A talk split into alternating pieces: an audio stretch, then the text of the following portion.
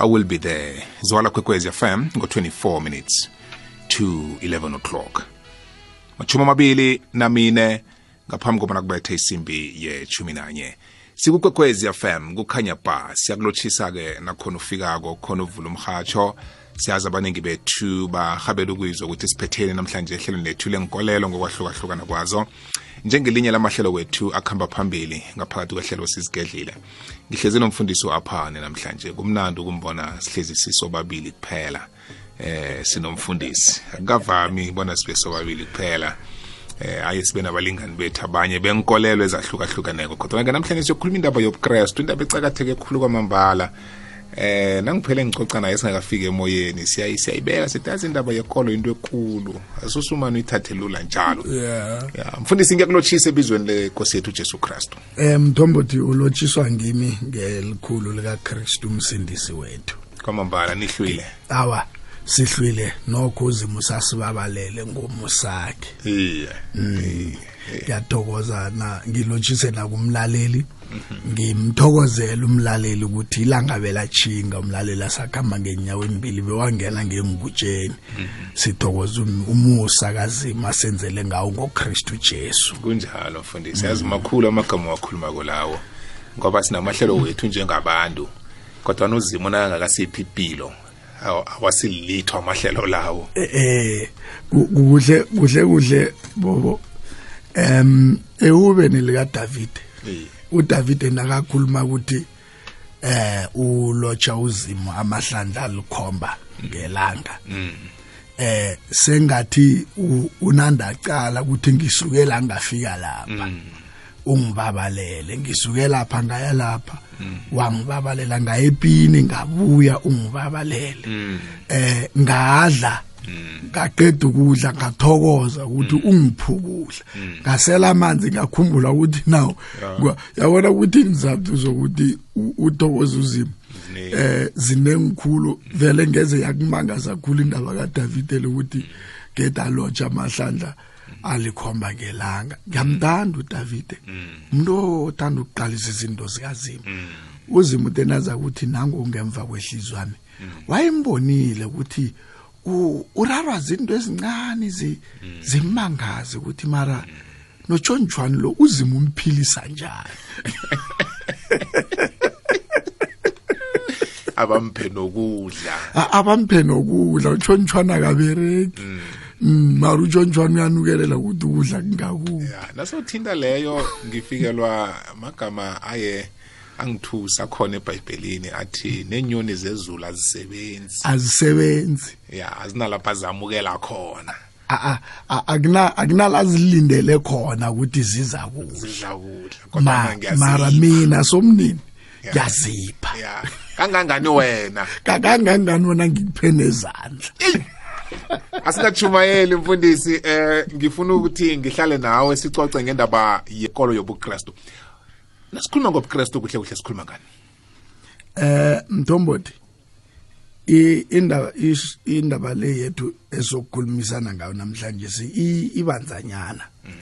Ene izo izokufuna vele ngithatha isikhatshana eh uku- ukuyihlalisa kuhle ngoba zinengi izinto eh ezikhambisana nayo nezidinga ukuthi umlaleli namhlanje si ayi- ayizwe kuhle.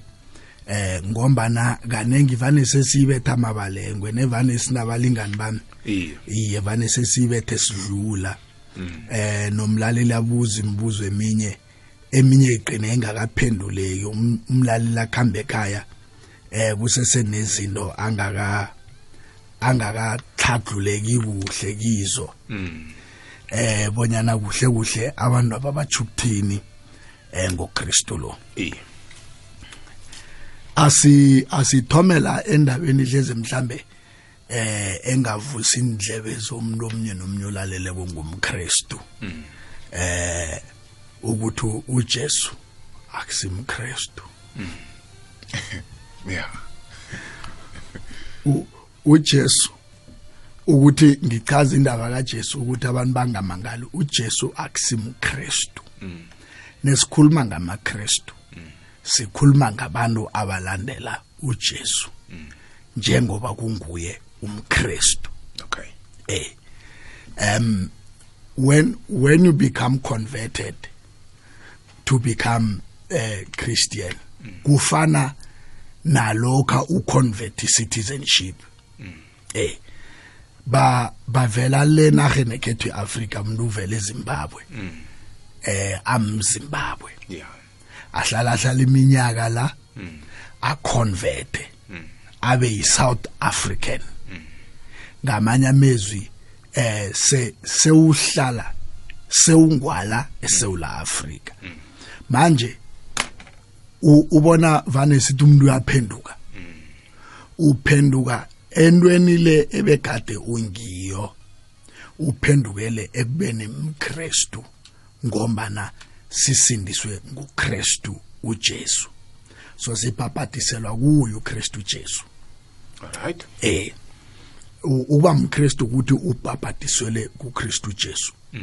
Ngingeze nokho ngakhuluma ngezinye inkolo eh kodwana eh kuhle ukukhuluma into eh ikakhulukazi na ungayikhulumi critical. Ukuthi ama Baha'i for example babhabhatiselwe ku Baha'i bakholelwa kuye ukuthi nguye umuntu em eba ebaqalelele kuye kwezekolo yabo. Manje nathi amaKristu siqale kuKristu um nje nga nga the the ultimate plan of salvation. Kazimu eh yokuthi umuntu abuyele kuzimu. Manje umlaleli kungenzeka azibuze ukuthi eh komu mhlambe sicabanga ukuthi ubuKristu eh is the ultimate way to go. Eh nange umuntu okholelwa eBhayibhelini. Zinengana ke izinto esizozicala namhlanje si em eziza kuhlalisa umlaleli kuhle eh ngoba kuna kunama notions amaningi ngamaKristu. Kune notion yokuthi amaKristu awa awagcina imithetho. Kune notion ethi eh uJesu ngwaka Constantine eh sizoyilungisa nayo namhlanje? Ku ku- kun- kunama notion je a a ambadlwanyana about Christianity ukuthi kutheni thina eh sicabanga ukuthi ngithi ngithi. Nokuthi mhlambe kubayini kunamasondo amaningi kangaka? amanengi kangaka. Azibiza ngamaKristu. Eh ngi- ngizoyihlathulula namhlanje ukuthi eyona nto esinikeza ufakazi eh bokuthi uKristu um is the ultimate uh, plan of God for salvation of humankind. Ekuyinto mthombothi engathomi namhlanje. Futhi ayithomi 2019 years ago. Eh sizo sizoyi sizoyihlathulula kabanzanyana em ukuthi indaba le ithomapi ithoma kuhle kuhle uJesu uvela eTestamentini elidala. Eh na nasenye into ebe ecishe ngayikhohlwa um the the other narrative people have about Christianity ukuthi ama Christians don't take into consideration indaba ye Old Testament. Na ungumKristu angeke wahlala unga unganaki iTestament elidala ngoba indaba kaKristu isuka khona ivezwe kanengi kunendlela eziningi. Eh kokwakho mthombothi nange ngathi si sihlalele yonke. Eh si singayihlalela nakusasa sihlalele nangolesine solo ngingedwa sihlalele nangolesihlanu Mm, eh solo si sidemba yona i comparison ye Old Testament ne New Testament in relation to Christ. Ayisiqale kuphela just in isolation as a testament in relation to Christ. And uh, uh ekuvezeni ngoKristu ozogcina ultimately avele enyameni. Nase sekavelile njengoba vele 2019 years ago. But then yena kunengikomba ezinengi nasi enye inarrative engibawa umlaleli ayihlalise kuhle namhlanje. Ngeyokuthi iBhayibheli em lingilokhu elingikho eh ngelimi lesiyeni uzangihelebha mntombothi ngelimi lesiyeni ivane sithi umuntu wenza um i, i literal translation yeBible iBible is not literal. It's a spiritual book. And uh, a spiritual book um icho ukuthi ifihlakele kunezinto ezifihlakeleko engasilula ukuthi zembuke kabanye eh ngaphandle kobanyana umuntu abe naloyo moya. And eh, wokwambulela and then abe netshisakalo yokuthi afune ukwazi ngqono qala uzimu uziveza lokho umuntu neka netshisakalo yokwazi khulu ngozimu. And na njalo ke na ungafunda iBhayibheli uyifunda nje kwanga ufunda inewspaper. Eh ngiye ngithi umuntu othi um we must confine ourselves to what is literally written in the scriptures. Eh umuntu onginikeza ubudisi ngoba ange nangesayicala njalo angeke wachumayela angazi uyangithola la ngiyakuzwisisa kuhle kuhle ngeke sachumayela se sengase sekubize ukuthi sengiye esondweni lapha. Uyokufundela. sengibafundele eh nakuqeda kungihlale phansi. That- njenge njenge textbook. Njenge textbook so that is literal um uh, interpretation yama yama yama scriptures. And that is that narrative is very wrong. Okay. Because it, it is a revelation based book now kuna kuna kunemhlolo la embadlwanyana emthombothi engibawa ukuthi sicale. Ngibona isikhathi sami se se Sikhamba seje khulu. sikhamba ngathi siyangibangisa. Hey ah sekuchiya sekuchiya ake siqale u- uzimu eh, uJesu as as a as a promise as a foundation. Ukuthi ngithi siqala uJesu in the old and the new testament ukuthi ikolo yethu yakheleke phezukwakhe eh ukuthi ngaphandle koJesu thina sinazulu. Mm. angithi uthi uJesu mina ngiyindlela neqiniso nokuphila. Akakho oyakubaba ngaphandle kwami. So linye igama thina esinikezwe lona. So that is why ngi- ngifuna ukuveza isithombe salomuntu ukuthi eh, uzimu usuka phi naye asolo amveza angamvezi ngegama. Ngakho ngithi ifuna isambulo. Angamvezi ngegama kodwana aloko amveza minyaka neminyaka um from scripture to scripture uzimo aloko aveza uKristu Jesu. Eh asiqale lapha emhlolweni welizwi um ku Luke chapter 24 verse 25 eh siqale izenzo 26 verse 22 la kukhulunywa khona em nge nge nge suffering eh namkha ngo ngenjijilo amakholwa ahlangabezana nazo nanokuthi bekuveza eh lokuhlupheka uKristu Jesu azokuhlangabezana nakho nekafike ephasini. So la ngika usafuna usafuna uLuke chapter 24 eh ake ngije ngivula izenzo 26 right yakaluka ngu24 verse 25 eh. Siyayifunda mlaleli. Ngizomsiza umfundisi ngokuyifunda. Yeke ujesu wathi kibo maye nizindlayela kangangani? Nibuthaka enhlizweni. Ukukholwa konke okwakhulunywa baporofiti kanti ukristu ebeka ngakafaneli adlule emhlagweni lo ngemva kwalapho ke angene ephazimulweni nakhe na? Yeke uJesu wabahlathulela bona kwathiwani ngaye kiyo yonke imitlolo ecwengileko. Kusukela emthethweni kaMosi nakiyo yonke imitlolo yabaprofiti uyamuzwa ukuthi uJesu uthini la? Uthi kanti anazi ukuthi kwathi wani ngoJesu. Em lo ekubhalwe ngayo emtlolweni nasemthethweni kaMose.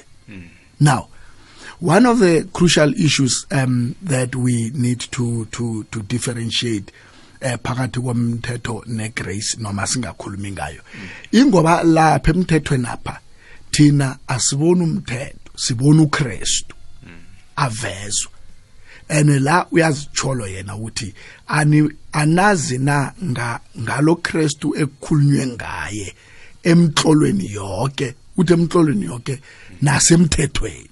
In other words when when you read in the spirit uqala imtlolo emaqondana nomthetho ukuvela uKristu Jesu. Uthi kuhlolwe ngaye nga- ma- maqondana nokuhlupheka nephazimulo eh ese izokuvezwa ekugcineni kwelanga. Utshela abantu. And ubatshela ngombana azi ukuthi ba- abantu abakade babhizi ngemhlolo bengeze abatshela ngento angayaziko ebangayaziko nabo ukuthi nawuthi kuhlolwe ngawe emthethweni ngimuphi lo mthetho. Ukhuluma nabantu abamaziko em nanokuthi bawufundile umthetho nemhlolo lebakhuluma ngayo bayifundile. So uJesu uzama ukusichazela ukuthi mina ngiveziwe lemva le. So in other words kuhle kuhle bekalindele uJesu ukuthi abantu nebambonako kuvuke lento bayifundileko lemuva lekuthi mara musi nangu nasi isithombe egade sinikelwa sona andukubafike manje nangu nembonakaliso zakhe zifakazela lento egade kubhalwe sifunde ngayo emtlolweni nasemthethweni. Asifunde yesibili em eh ku Acts chapter 26 verse 22 angiyiphendle izenzo zabapostoli. Um izenzo zabapostoli 22 ne? Eh 26 22 oh ncanqabeze 26 um 26 then ivesi zokuba 22 22 sithoma ku22 mlaleli. Kodwa uzimu ungisize bekwaba kunamhlanje si. Kungakho ngijame lapha ngifakaza kaba kabancane nakabakhulu. Angikhulumi okhunye ngaphandle kwalokhu abaprofiti nomosi abakuchileko bona kuzokwenzeka. Uh, uh, this is the the the New Testament times. Mara em ifakazela le verse esiyifundileko. Uthi angikhulumi ngento eja eh ebonakala namhlanje. Kodwa ngikhuluma ngento ekukhulunywe ngayo eh ngabaprofiti noMose. Eh ngisayichaza usifundele uFirst Peter chapter 1 eh ufunda uverse 10 kufinyelela lapha kuverse 12 em la siveza khona the glory and the suffering ka kaKristu Jesu na nesithembiso lesi esasiloko sithenjiswe sona from the Old Testament kuloko kukhulunywa ngaso. Now i'm trying to lay a foundation ukuthi uJesu uthi kukhulunywe ngami in the Old Testament um ezenzweni.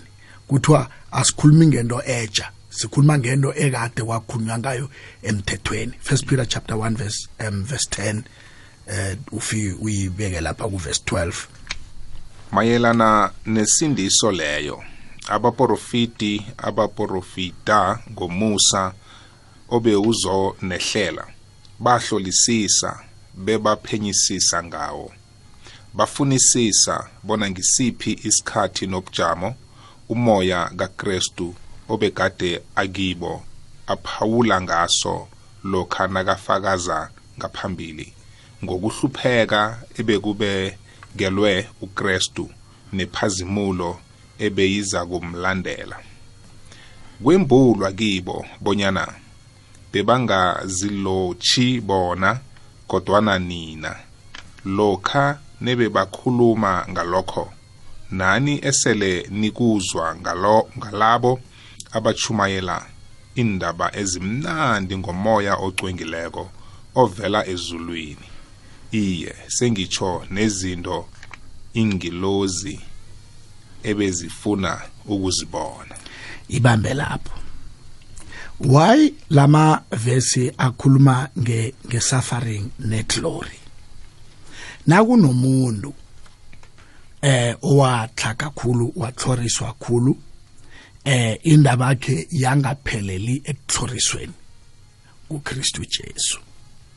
So iBhayibheli nelikhuluma nge- ngethoriso nomuntu oza kuthoriswa eh bese kuthi kungadlula kuvele iphazimulo. Em no no nokuthi kube nomoya eh kazimu ocwengileko oza kwehla kukhulunywa ngomuntu oyedwa la kukhulunywa ngoKristu Jesu. Now kunamavesi engifuna siye kiwo achaza bonyana uJesu bekakhona. In the old testament. Alikakhulumi ngaye kuphela. Ithande ukujula eh konje eh, ngesindebele nasithi indaba ijulile iyayijulile ijulile njalo eh i- ithanda ukujula. Asi asicale la sive la kuvela khona ingenelele. ingenelele. Ukuthi uJesu bekakhona eTestamentini elidala aka angithi nje besikhuluma ngo- ngokukhulunywa ngayo ukuthi em indlaliwe indaba kasesele manje asithole ubufakazi bokuthi uJesu kade avele akhona in the Old Testament. Em ne ungafunda incwadi kaJude incwadi kaJude se sengiyo injalo.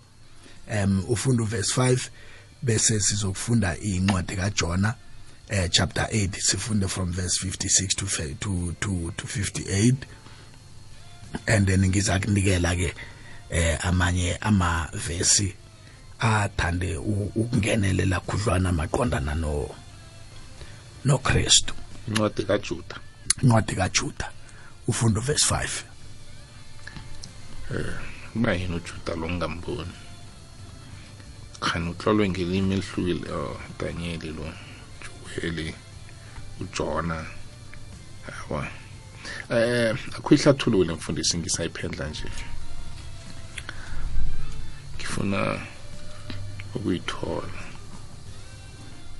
Ngiyitholile mara iBhayibheli lami lino linokunande ona si. Okay. Ithi nanyana senikwazi konke lokhu ngithanda ukunikhumbuza bona usomnini wasindisa kwaba kanye isizwe sakhe enaheni yeGibhite kodwana emva kwalokho wahayila labo abangazange bakholwe eh Jude chapter 1 ujuda chapter 1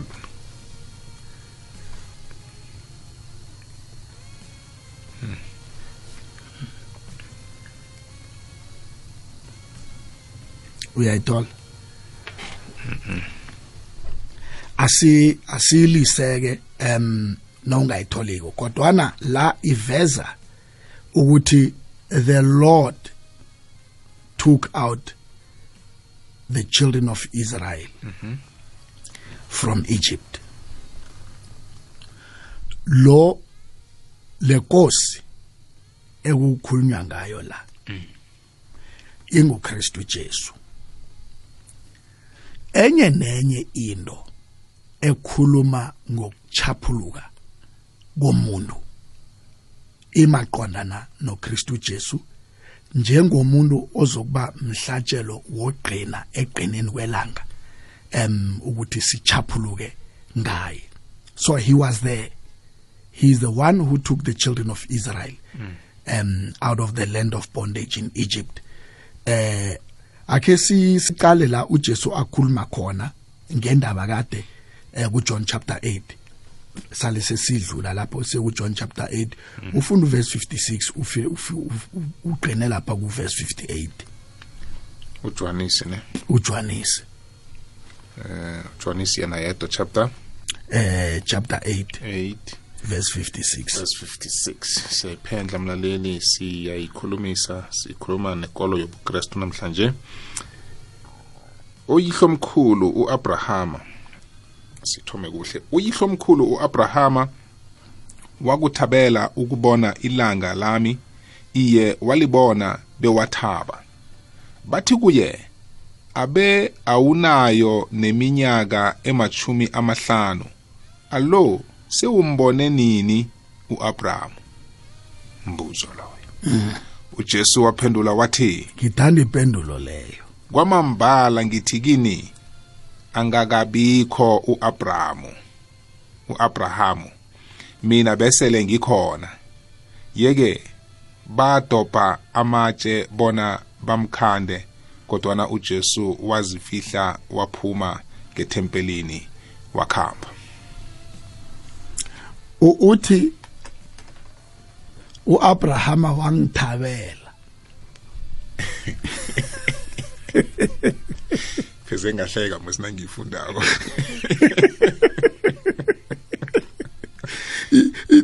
u-abraham wangithabela.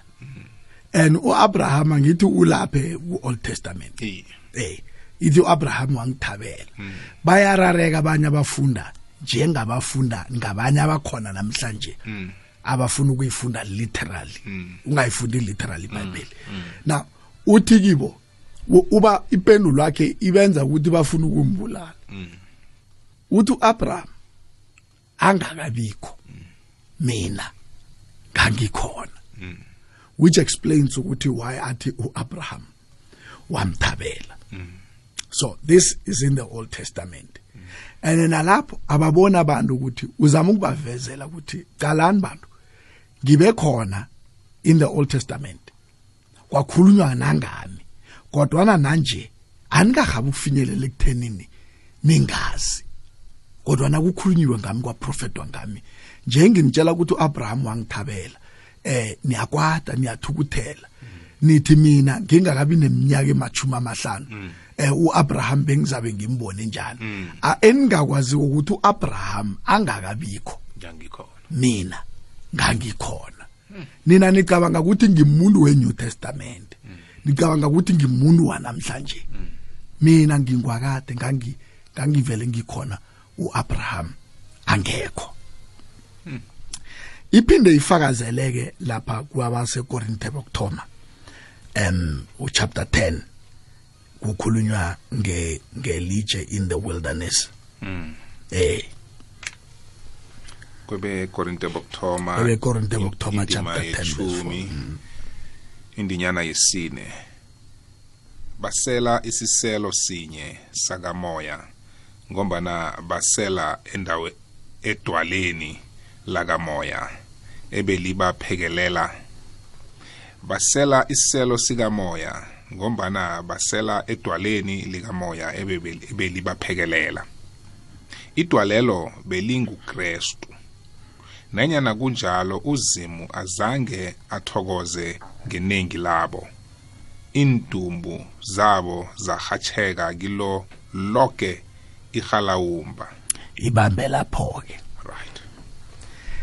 Leli dwala ekukhulunywa ngalo ngileli dwala ekwaselwa amanzi lokho abantwana bakwa-Israyeli negade bomile eh bangazi bonyana eh ba bangaselani uMose naye sekararekile. Kanti kunendoda ehlezi ikhona eseza kuba khona ibuye iqhubeke ibe khona inguna phakade yavela elitsheni kwavela amanzi abantu basela. Uthi umpostoli Paul lelo kwakunguJesu qobo lwakhe. Ngoba enye nenye uJe- uJesu Jesus stands for deliverance and salvation. La uzibona utakulwe khona. Nanyana ku- kuke yiphi ingozi nanyana kuke kuphi ukuhlupheka munye umuntu okudakulileko nguJesu. Na uyabachazela lampostoli Paulo ukuthi into beningayizwisisi ukuthi uJesu waziveza ukuze nina nikhona ukuchaphuluka. So ke ke ake si sicale hey le disana mntombothi. Sicale lapha ku ku Genesis chapter 3 ncwadi yokuthoma ke leyo. Yide khulu asizuyifunda. Eh asilise siyayazi eh naba nomlaleli uyayazi nakasekhaya. All right ku chapter 3 kula kuthoma khona ikohlakalo. Uzimu uthethe uAdam no no Eva wababeke esimini Iye. kwavela ukukhohlakala. Bona kuvele ukukhohlakala bazibona bahlubule. Emveni kobanyana bazibone bahlubule bazama balinga ukuthi bazimbathise amaqabunga. Usomnini nekafikako ufika wenzani? Bona abuze uAdam ukuthi Adam kanti ubaleke kuphi abathole ukuthi bahlubule. Ubambathisa nemthombothi uyabahlinzela uyabahlabela. Udlaba ini? Alijo hlaba ikomo la sazi wahlaba hlaba imbuzi hlaba imvu now la we we we are talking about people people that have sinned. Wahlabani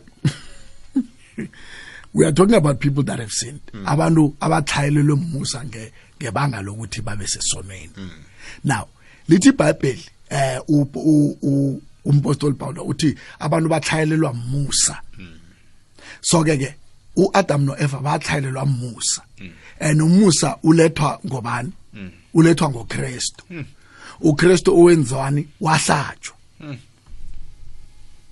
Wahlatshwa uJesu uKristu kwa kwambathiswa mina nawe ekade sesithayelelwe musa ekade sesihlubule sesisemhlagweni sambathiswa igazimulo kaKristu into leyithoma esimina seEden uzimu uvela sekaphethe isikhumba in other words there was a sacrifice made.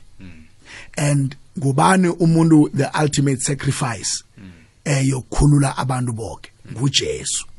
So into ye sacrifice ayithomi la in the new testament.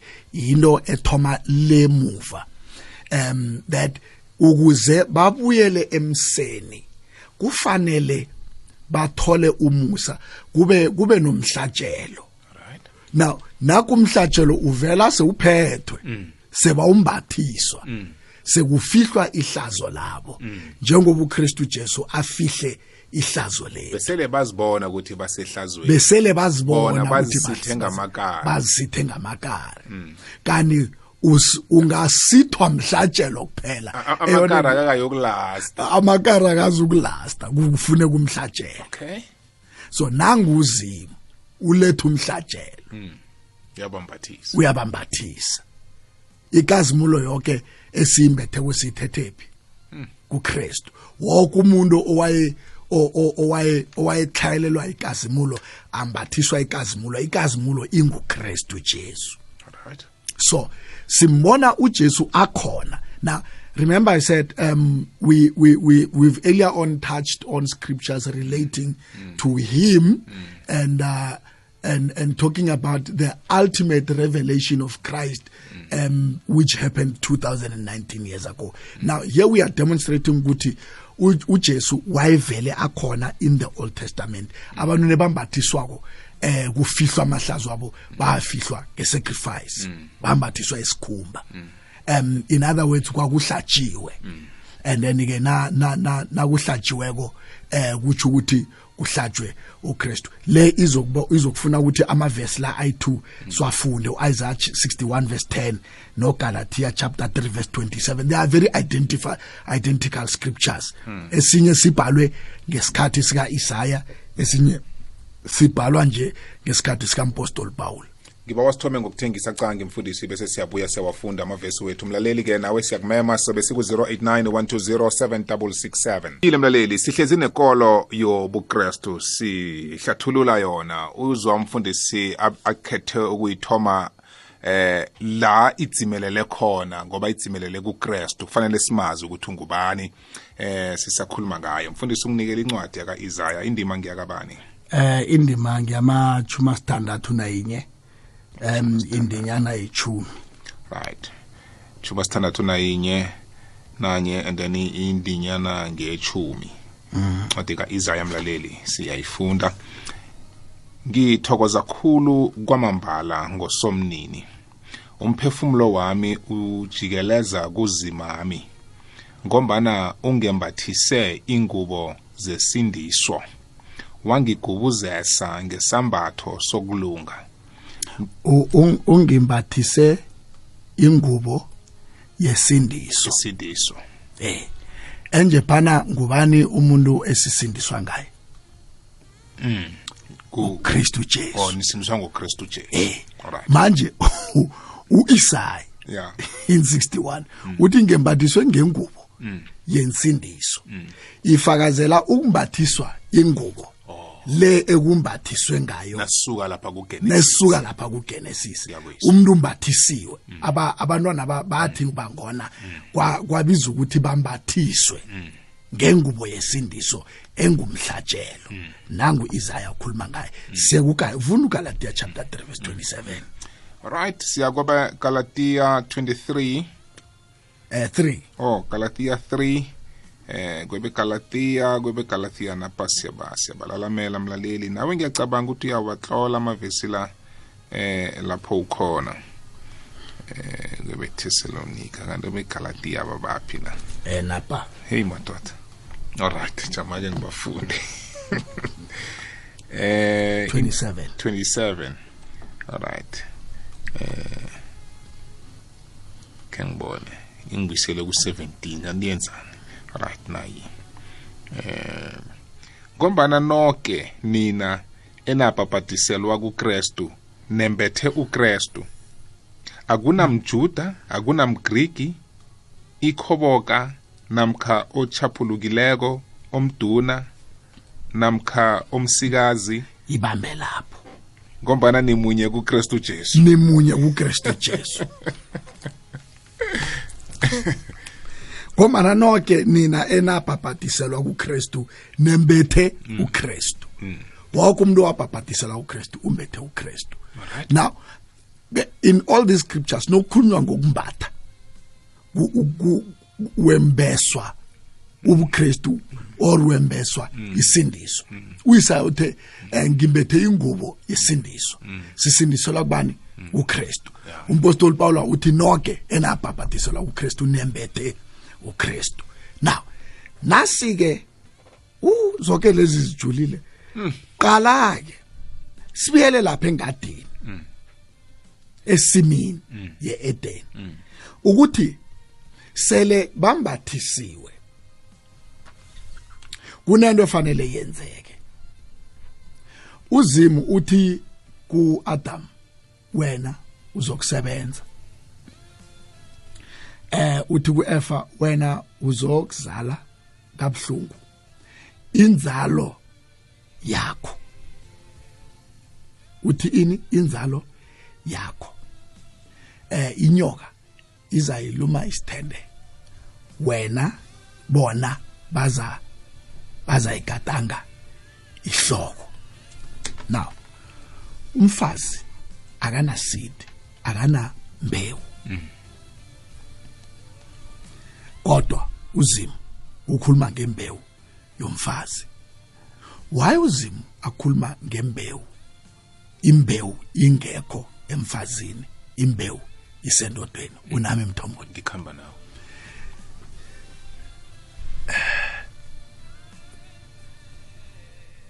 In other words lo muntu amfazi eh umfazi oveza umfazi oyokuhluka kunabanye abafazi ahlukiswa ngilo muntu azomthwala.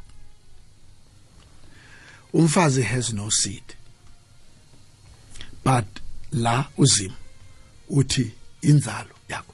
In other, in other words the Lord is explaining the unnatural um, nature of lento akhuluma ngayo nekakhuluma noEfa emveni kokuthi bambathiswe igazimulo.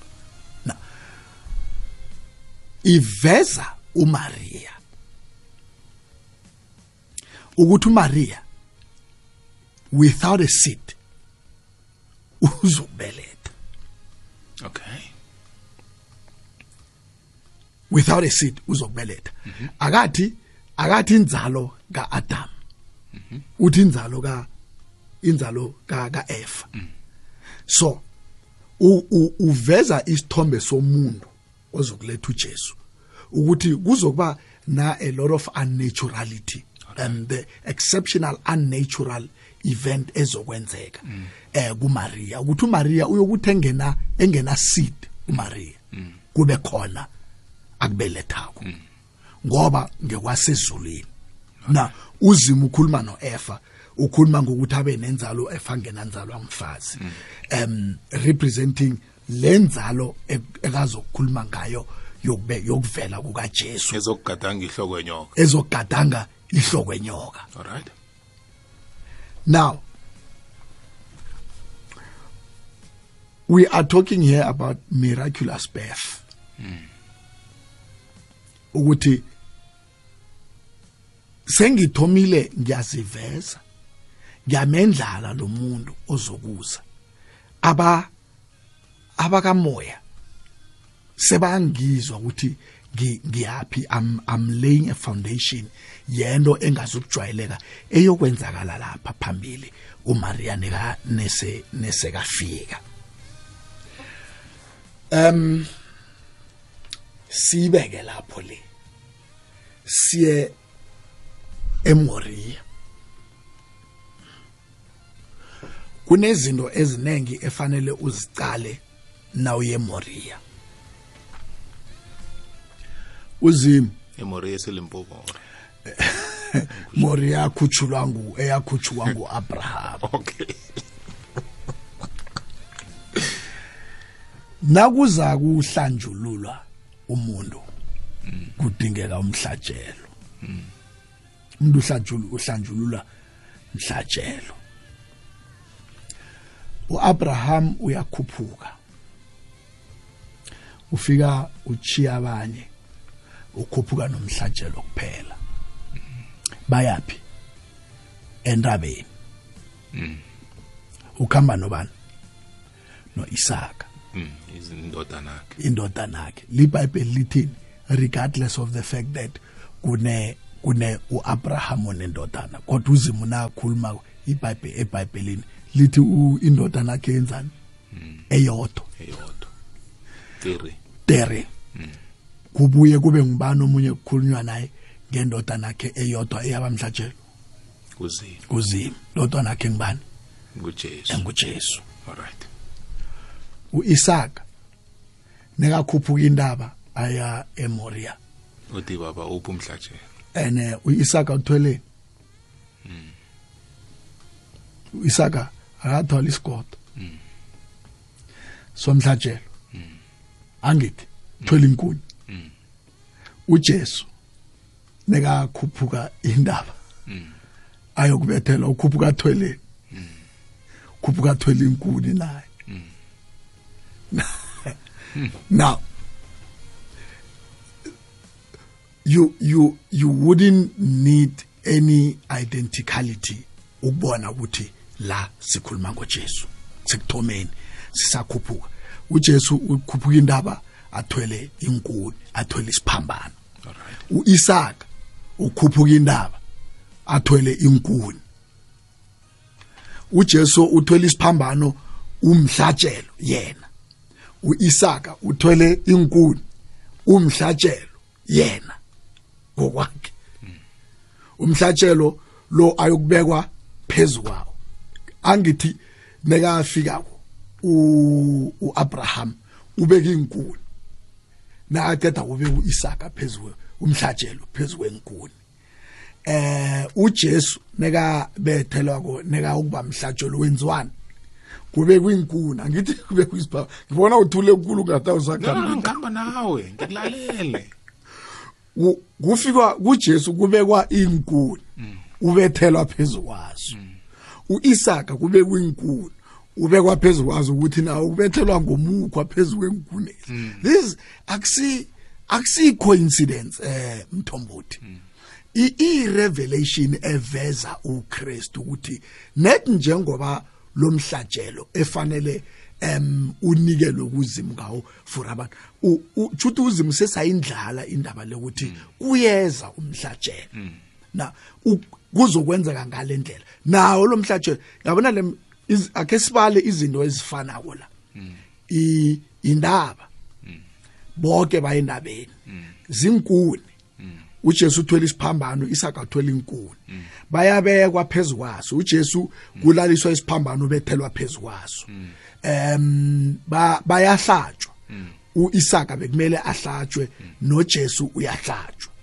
Now nasi ke ezokumangaza kakhulu ukuthi nayo i coincidence na. Nafanele ahlatshwe. Ake siassume ukuthi uIsaka uhlatshiwe. Nandi inqama livela. Sekuvuka inqama emveni komhlatshelo ngoIsaka. Mara kuvela in inqama. iBhayibheli lithini ngenqama?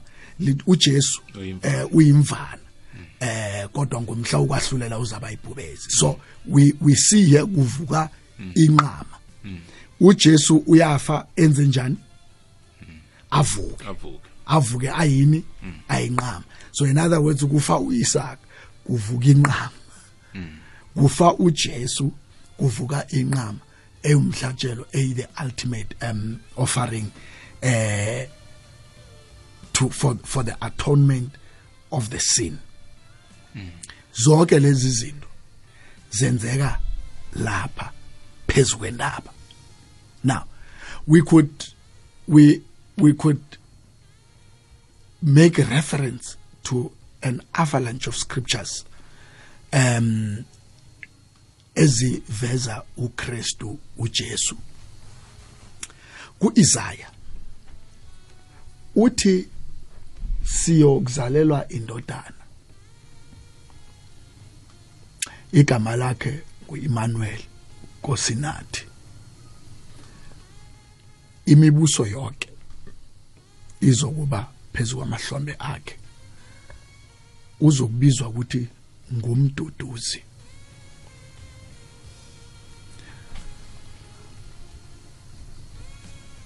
Ngumkhululi wabantu. uJesu naka nakehlelwa moya ocwengileko. Wenzani? Lithi iBhayibheli uJesu uvula uphakathi kwabantu uvula inqwadi he opened the bible says he opened the scroll. Yazi ufunda kuphi? Ufunda kuIsaiah uthi umoya kaKristu uphezu kwami ukuthi ngichumayele ivangeli kwabahlakako nakwabangasenathemba akakhulumi into ayitsho ngoba em ngiyazi ukuthi banenge abantu abacanga ukuthi uJesu wazikhulumela. iBhayibheli lithi uJesu wavula iscroll wafunda in the Old Testament. Lento eyenzeka kuye njenganje but lento ekubhalwe ngayo em ngoIsaya. Umprofeti. Umprofeti. Ufunda encwadini kaIsaya but strangely ufunda into eyenzeka kuye it's like ufunda into engiyibhalileyo but then we uyifunda njengombana isenzeka kuwe. Na uyifundako. Uyifunda njengombana isenzeka kuwe mara uyayifunda. Okutsho khona ukuthi into le is so much related uyenza ngoba wazi ukuthi kwakhulunywa ngayo ngaphambilini. So ufeza lendo ekutlolwe ngayo eh ngaphambilini. Ukuthi uKristu em yokimi umoya kaKristu umoya ka- kazimo oqwengile kuza kuba phezulu kwakhe eh achumayele ivangeli kwabaxhagako eh a- akhuthaze abantu avuselele abantu. Uyifunda uyenza lento as if it is practically happening uh, actually as it practically happens to you kodwa na uyifunda as it was written and predicted. So ingakho ngithi ngake nga- nga- sadlula kuyomthombothi kenye yenkulumiswano zethu ukuthi eyona nto esinikeza ufakazi bokuthi ubuKristu um it is the ultimate um religion. Actually not let me not call it the religion. Sizakhuluma ukuthi religion igama elithi religion kuhle kuhle litsho ukuthini ngelinye ilanga. Yeah. um ukuthi thina sikholele ekuthenini uJesu ngiyona ndlela. Ingoba sinobufakazi. Neqiniso. Neqiniso lokuthi uJesu imithetho ikhulumile ngoJesu i- improfeto zikhulumile ngoJesu. Nangesala lapha emthethweni kukhulu esi esizokuthola. Kodwa na ke asibeke la em ngoba ngibona isikhathi sami sangigijimisa uzabe uvule umlale uvulele umlaleli. So eh mlaleli ekhaya indlela yokusinda indlela yokuthi sanike senzelwa umhlatshelo onguKristu Jesu eh wazithwelana ngomlomo wakhe ukuthi ngiloyo naloyo okholwa ngimi. Akasayi kubhubha noma abhubha uza kuthola ukuphila eh isiphelane. Impilo ayisayi kumphelela. Now asilungise indaba kaJesu le ukuthi kunoJesu omunye owenziwako. Em na ngathi uyaprofita kune WhatsApp engicalileko la ekhuluma ngayo uJesu loyo. Saluya kuye-ke sizwe ukuthi uphendula uthini. Kunendoda angazi nabakhuluma ngabayazi nayipheleleko igama lakhe nalipheleleko nguFlavius Valerius Constantinus. Mm. indoda le mthombothi yabelethwa ngo-27 february 280 anodomino before. Ano domino. All right. Yabelethwa 280 AD yabelethwa ama gospel writers sewabhalile. Yabelethwa yabelethwa ubelethwa boMateyu naboLuka noJohn noMarko sebasinikezile the account. ngoJesu. Okay. Kubelethwa uConstantinus. Phila 57 years ufa ngo 337 neka neka khulako kunombuso. iRoman Empire. Umbusi wayo wangaleso sikhathi. Ehlukanise abantu. Wabandlulula amaKristu. Ekubandlululeni kwawo amaKristu bazibumba benza inyandana ukwakha eh the community angeke nga- angazi isizwe nginga uh, isizwe is not the right word but akha a a community of Christians. Umphakathi. No noma isixhopha oh. Sa sa samaKristu all right. Ukuthi babumbane eh babumbanele ukujamela ubuKristu ngombana umbuso ebese ukhona ngaleso sikhathi eh bese be- bese uba ubakhiphele ngaphandle ubabandlulula. So bazenza isicubutshwana bazenza isicubutshwana bakhula. uConstantinus nekafikako azokubusa. Uthola amaKristu angekho nasembusweni. Juthi they were so sidelined kangangoba babekhichiwe nekuphathweni kombuso kwi- kule empire babengasekho amaKristu. So ke ke ngiyo into eya eyenza ukuthi bahlangane babone ukuthi nangesaliselela isimo esi saloku sichubekela phambili. Eh siyogcina sinobudisi em bokuthi ubuKristu bungagcina bufile. uConstantinus being smart nekafikako uyayithola into le ene uyakubona ukukhula kwamaKristu. Khona kokukhula komuntu onzima eh ngesikhathi seapartheid. La uFW de Klerk abone khona ukuthi abantu aba sebakhula ngalendlela ukuthi nenge singabanikeli kuhle umbuso bazozithathela wona ene bazagcina bawuthatha ngodlame. Now as opposed to, uh, just like u, u, u FW wabona ukuthi angenza ukuthula ngimkhiphe lo muntu obotshiweko eh, abantu abane baphathako baphathe ngoba into yabo ayisazi ukuvimbeka.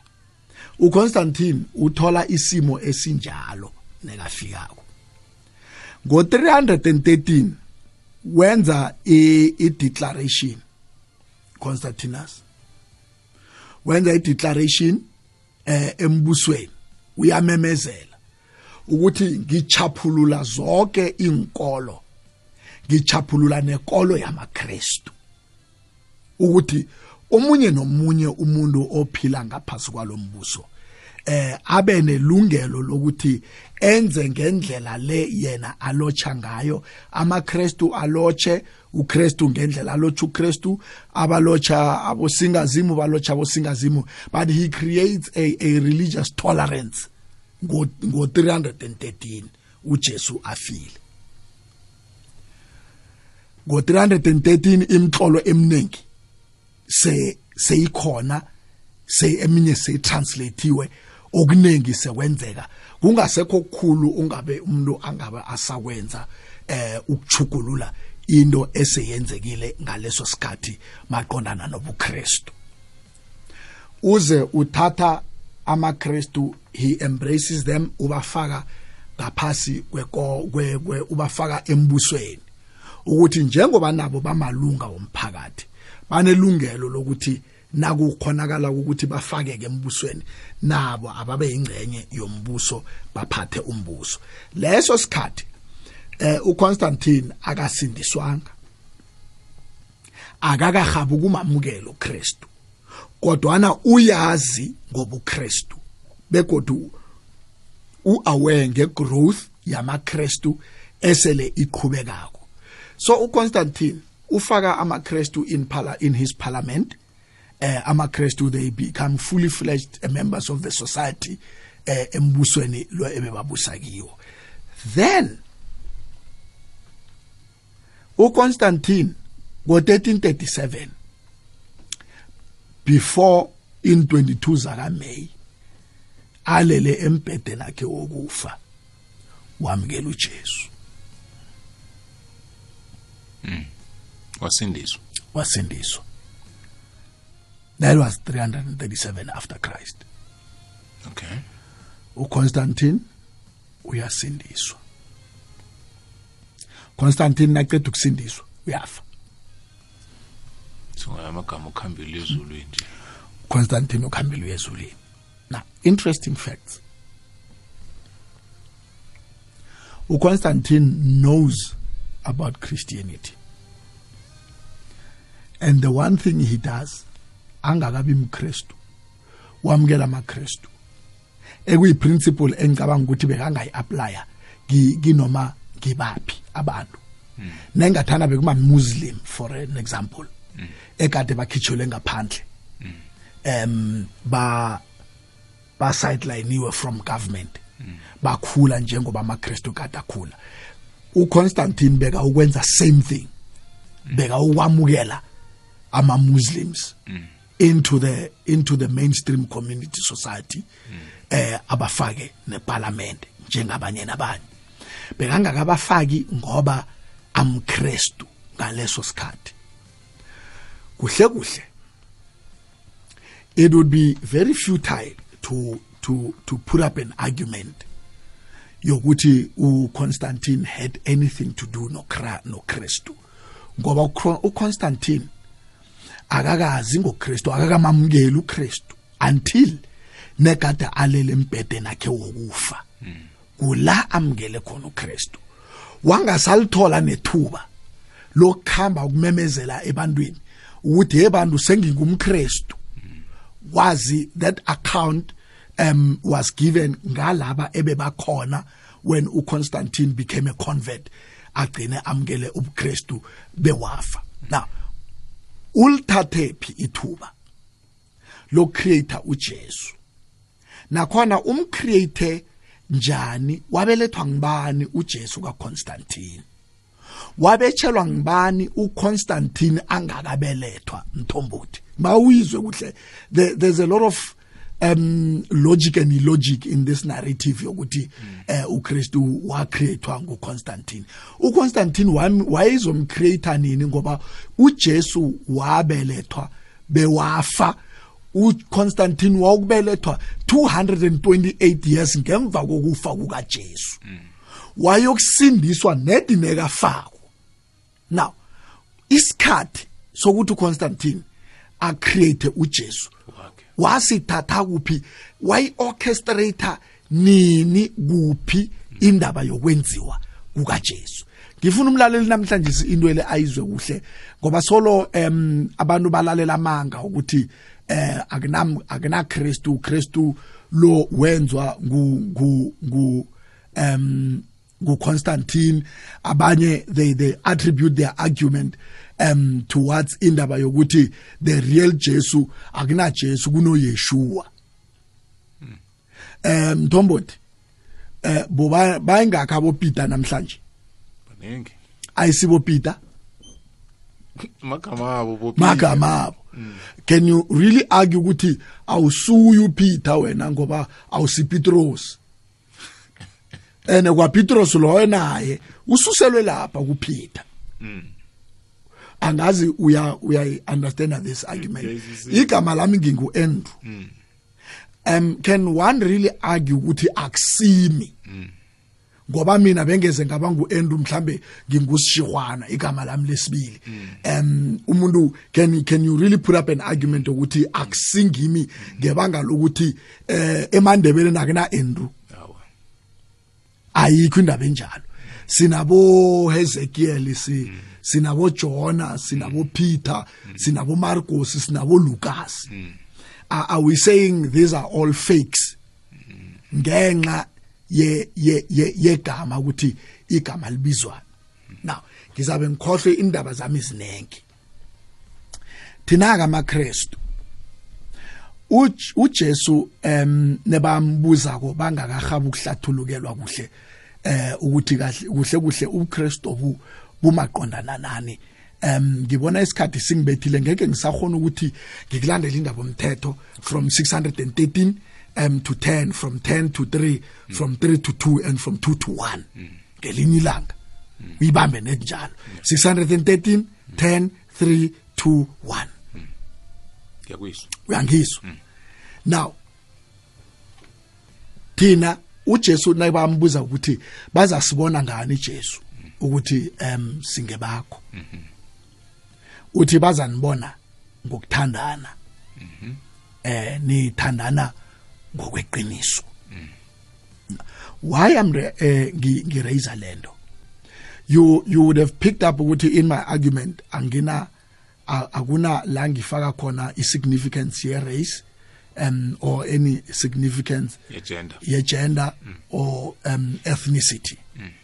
It is not important. Leya verse ku, chapter 3 verse 27 uthe nina noke nikukristu nimunye kukristu simunye kukristu em na nabasihlukumezileko nabasiloyako nase simunye siyabathanda bonke nekhe basihlukumeza ebabizwa ngamakhuwa. Siyabathanda abakuKristu sikri- sikuKristu simunye sisonke nabo. Now one characteristic mthombothi yomkristu nomuntu othi yena uyamthanda uzimo that is why ngi- ngi- ngikhulume um about 613 10 3 to 1 um ngelinye ilanga sengathi singaba nethuba lokuthi singenelele kiyo. Eh owena eyona nto esi-identifyako um indaba yokuthanda across race. Nakhona um ngikutshela ukuthi isuke laphi isukela kuJohn chapter 3 verse 16 eh nakathi ngombana uzimu walithanda iphasi kangaka bewanikela ngendodana yakhe ezelwe yodwa. Eh ukuthi isifele. Isifela ukuthi kwenziweni kulitshalelwe izono zethu ukuze nathi sikwazi ukulibalela. Uthi uJesu nekafundisa abafundi bakhe ukuthandaza in Matthew chapter 6 eh uthi anothi nanithandazako ni ni- nithi baba wethu osezulwini.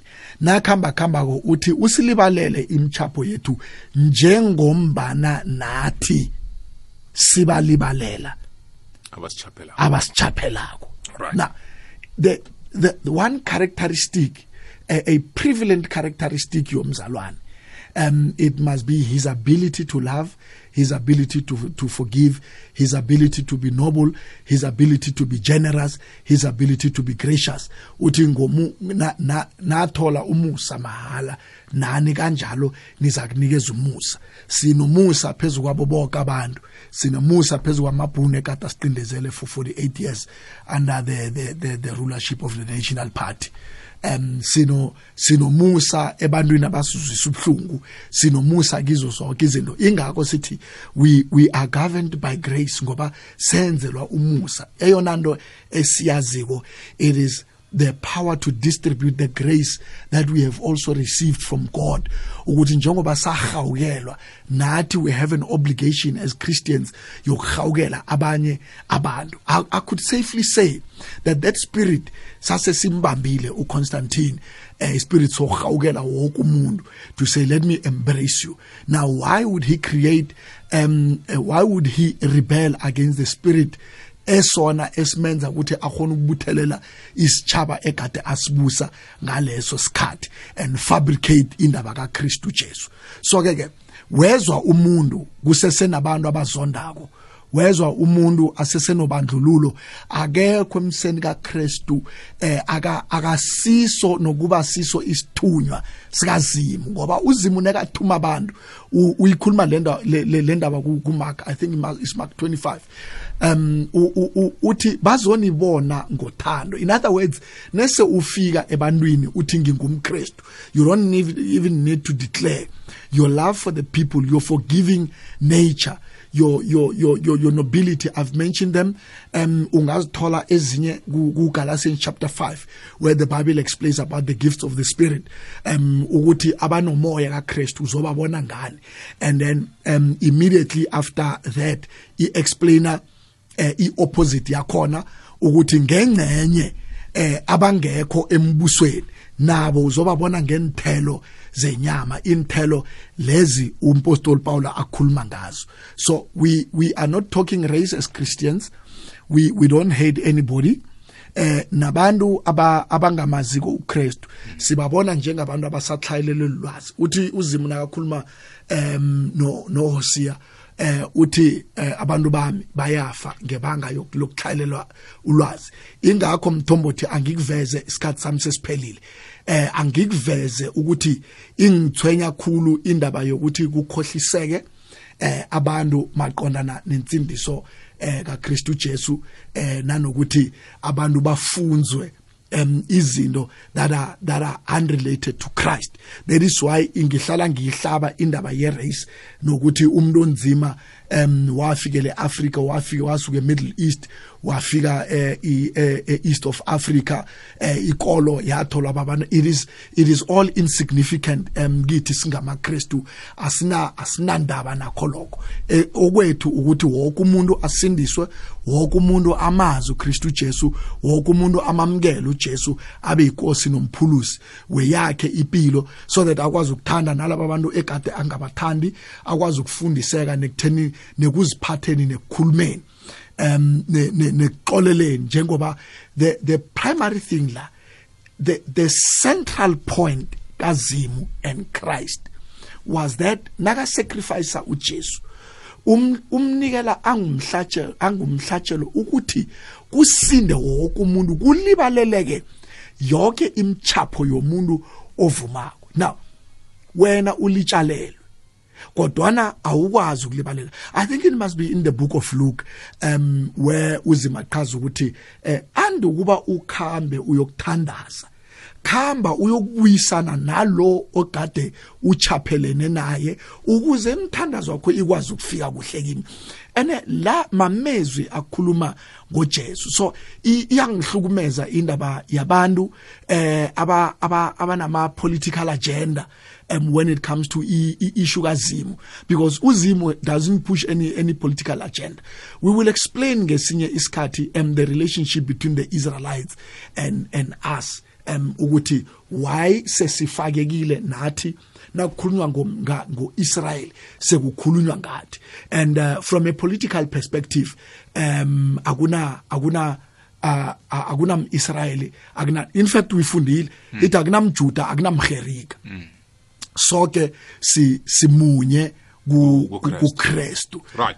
Ngiba ukubamba lapho umfundisi waphane um uchilo nawufika kwathi indaba leyibanzi ifuna amalanga amaningi siloko sicoca ngayo. Nemibuzo ebengiyihlelile la laleli mhlambe bekalindele ukuthi ngizayibuza kodwa ke ngehlathululo elethileko eh ngithi angiyibambe.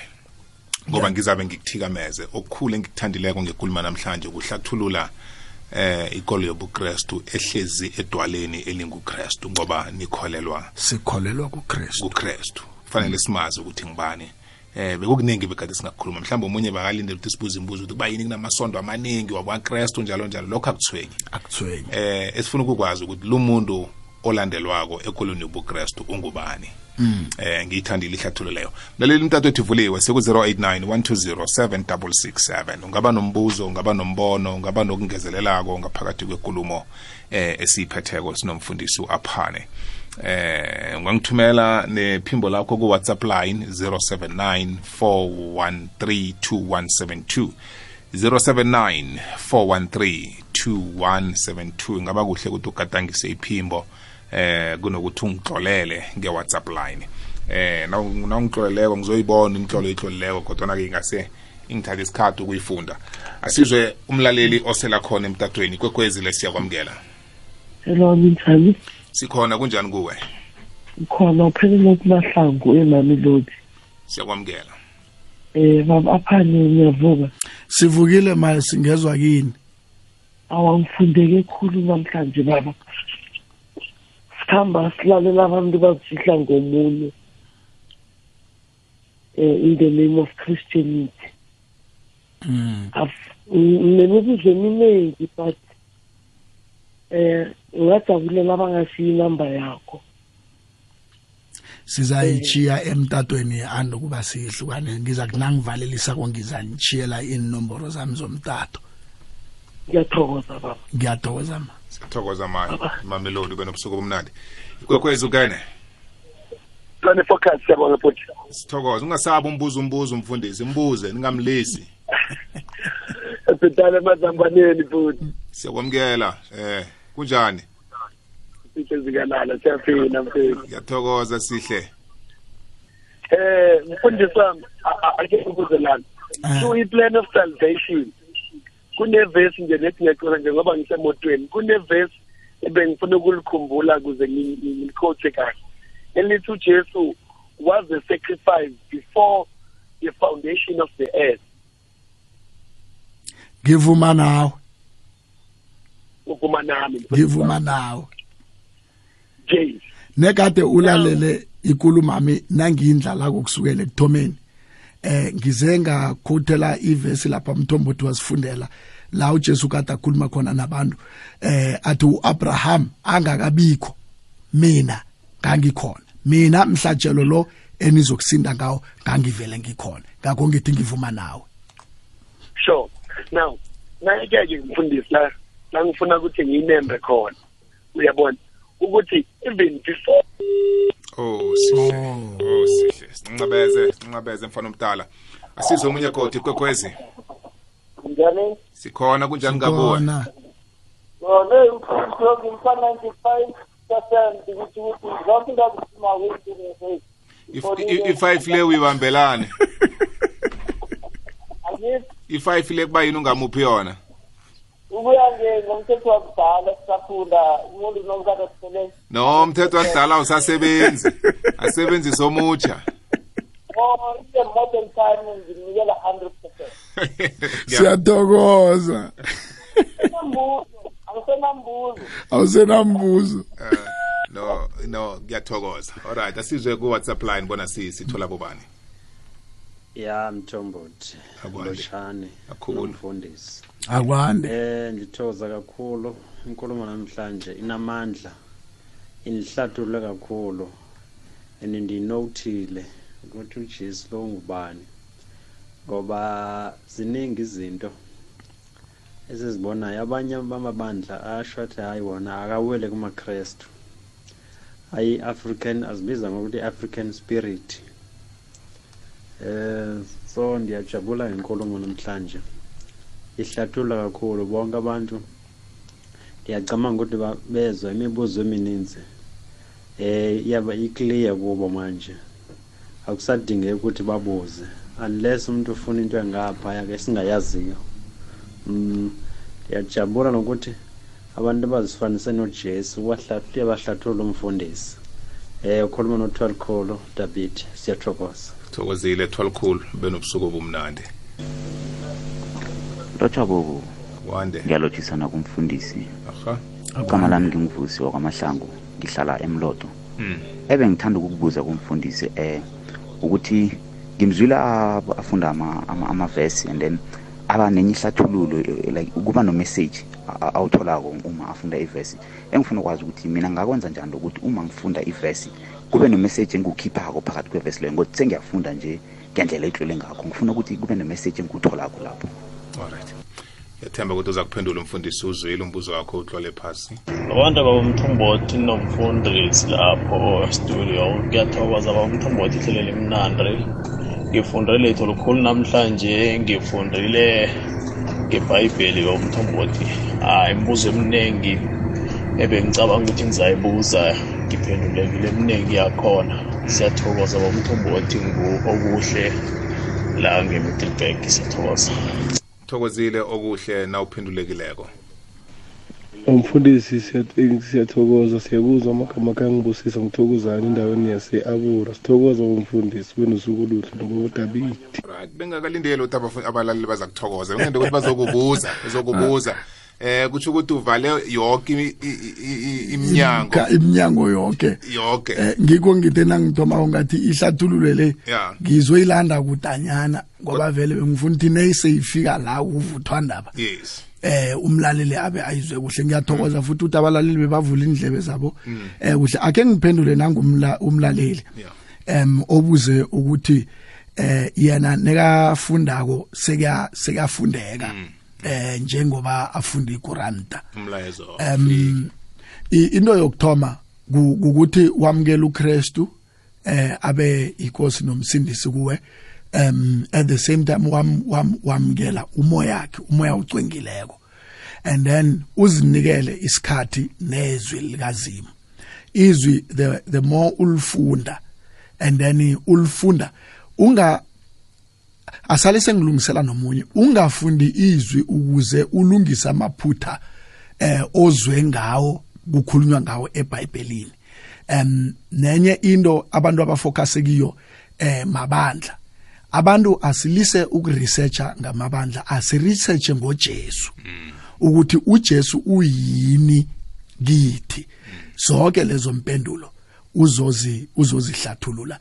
Ikakhulukazi um nase uthomile uku- u- nowufuna ukumazi uJesu uyakusona uyaziveza kuwe. Ukuthi the more the fellowship with him it becomes easier for him to reveal himself um to you through scriptures um nemithandazweni. Um kune uh, i think it is in chapter 8 ya yabaseroma la athi uzi umoya ucwengileko uyasibubulela. Em ke ngihlathulele umlaleli lo ukuthi uku- uqale lokho anothoma ukuthandaza em kanengi uthoma kwanga akunazi into ongazithandazela mara noqanga ukuthi uzokuthandaza 30 seconds uza kubona soloko em i- izinto zivela uzimo uyaziletha. Nemhlolweni kunjalo. no nowufunda use usemoyeni ocwengileko ufunda ngomoya ocwengileko. Uyakusondela uzima aziveze kuwe nalezi zinto ezifihlakeleko azambule kuwe.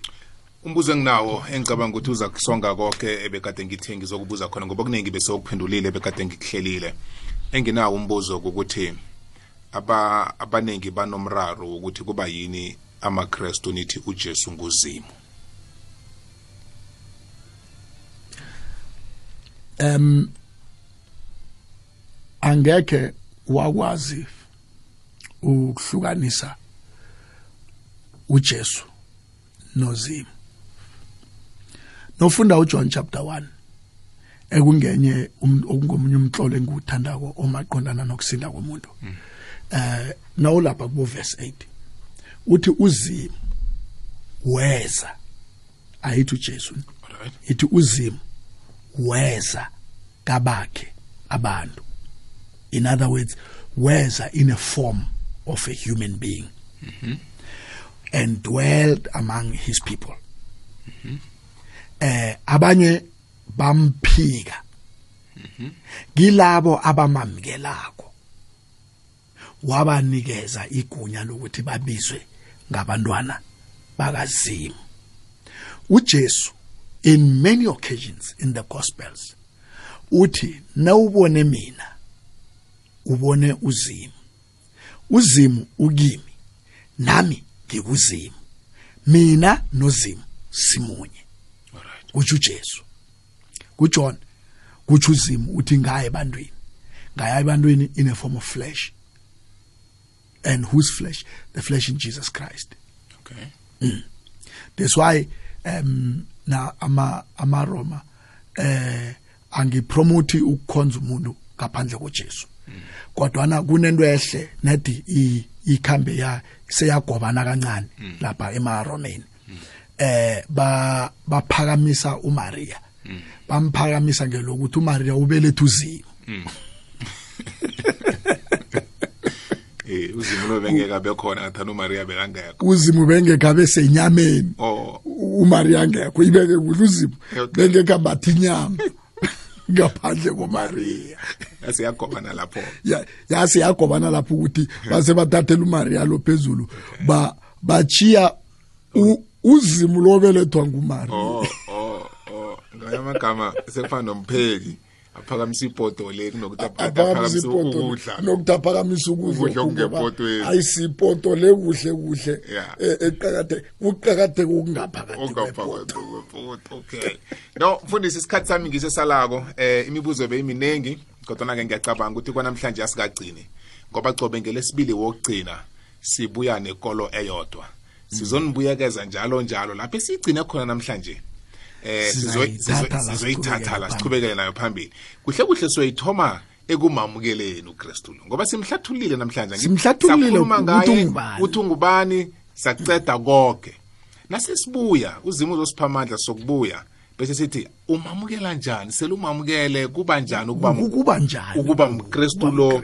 then angithi baningi amakristu. Nabathi bamamukele mhlawumbe abanye abakamamukeli kuhle nje. Eh, sizokulungisa langolo bakubawile ukuthi bakuthola njani nabakufunayo eh mntombothi ngitholakala enomborweni zomtato nazi zilandela ku 071 563 6348 um ne WhatsApp yami ngiyo yona leyo eku 0715636348 namjana nongangitholiko lapho eh ungangibamba godi kwi WhatsApp enambeni ethi 062 1027 422 0621027422 um mina ke mfundi eh, mfundisi umntomboti Yeah. eh ibandla engikhonza kilo i the last trumpet ministries ngilotsha ngaphasi ko bishop u Dr A Ojele onzinze lapha eKangala.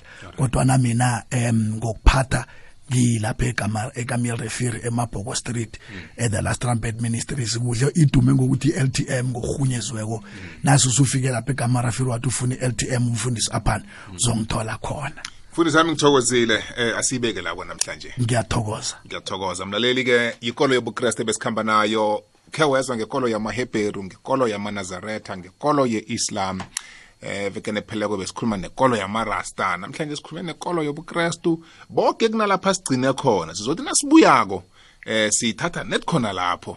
Eh sirakela phambili nabo. Eh ngithokozile. Ngithokoze khuluma mbala. Njenganje akube ngumfundisi usipho Alex Khosana nomthandazo ebusuku nakungimi yana ngile.